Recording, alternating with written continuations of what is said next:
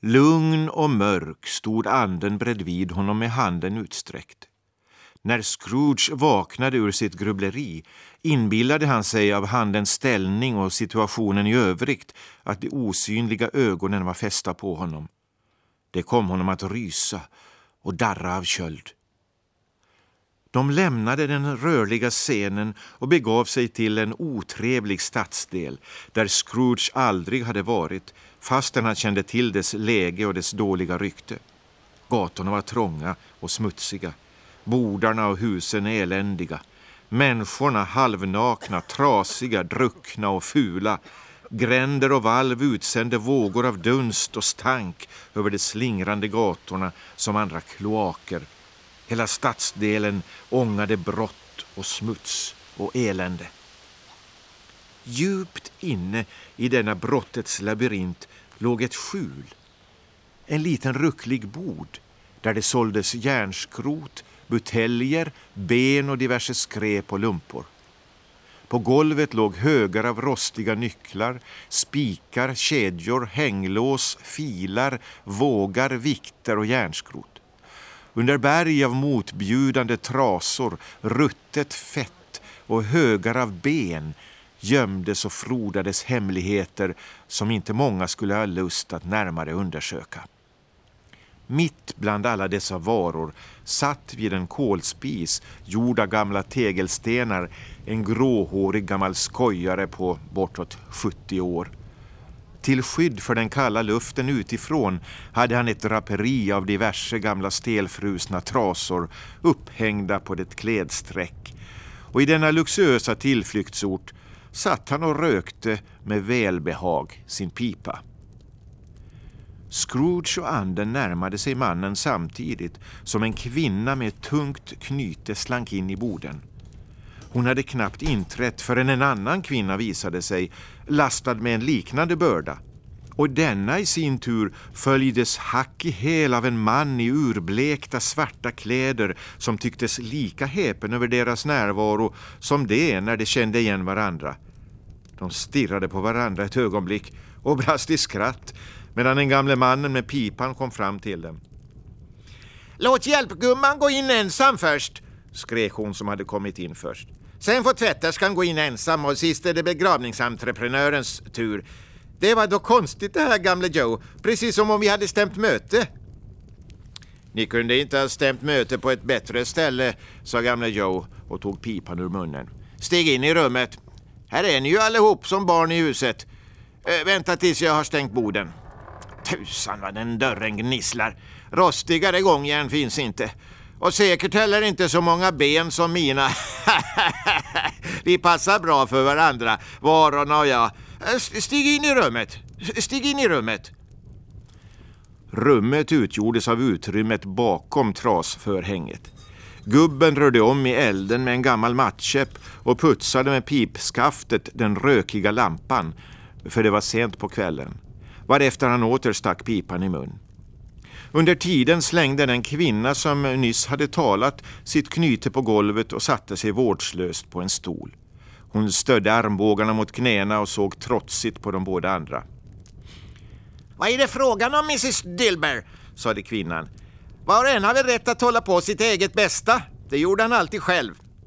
Ja, det gjorde han verkligen, sade tvätterskan. Ingen kunde vara mer om sig än han. Nå, stå inte där och glo människa som om ni var rädd. Det känner ingenting till att vi river ögonen ur varandra. Nej, det hoppas jag med, utbrast Mrs Dilber och mannen med en mun. Nå då så, det var bra, utbrast kvinnan. Vem bryr sig förresten om ifall de här småsakerna är borta? Inte den som är död åtminstone. Nej, det är sant och visst, skrattade Mrs Dilber. Om han ville ha kvar dem efter döden, den otäcka snåljapen, fortsatte kvinnan, borde han varit hyggligare medan han levde. I så fall hade han haft någon som såg efter honom när slaganfallet kom så han slapp ligga och kola av alldeles ensam. Ja, det är så sant som det är sagt, sa Mrs Dilber. Det var det straff han fick.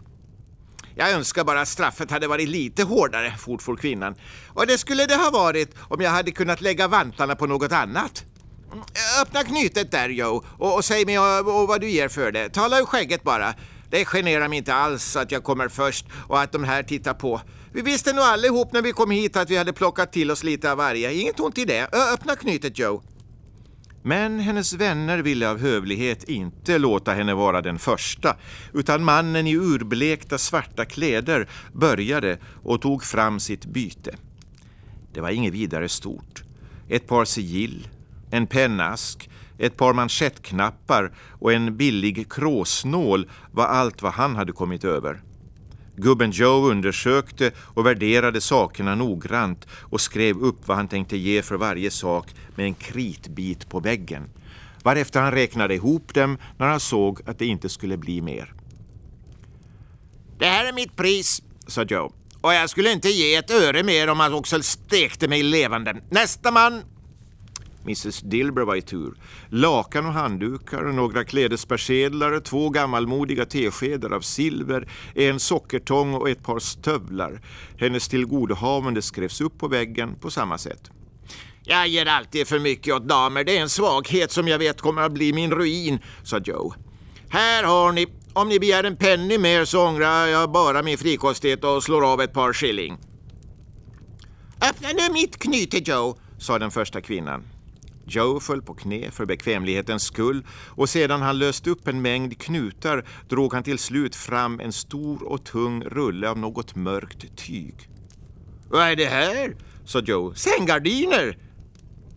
Ja, sänggardiner, svarade kvinnan skrattande och lutade sig fram med de korslagda armarna på knäna. Du menar väl aldrig att du tog ner dem med ringar och allt medan han låg där? sa Joe. Jo, det var just vad jag gjorde, svarade kvinnan. Varför inte? Du blir säkert rik om du håller på så, sa Joe. Ja, inte tänker jag hålla fingrarna borta för en sån karls skull om det ska fastna något på dem. Var lugn för det, Joe, sa kvinnan kyligt. Spill nu inte olja på filtarna. Är det hans filtar? frågade Joe. Vem skulle det annars vara? svarade kvinnan. Han förkyler sig säkert inte utan dem.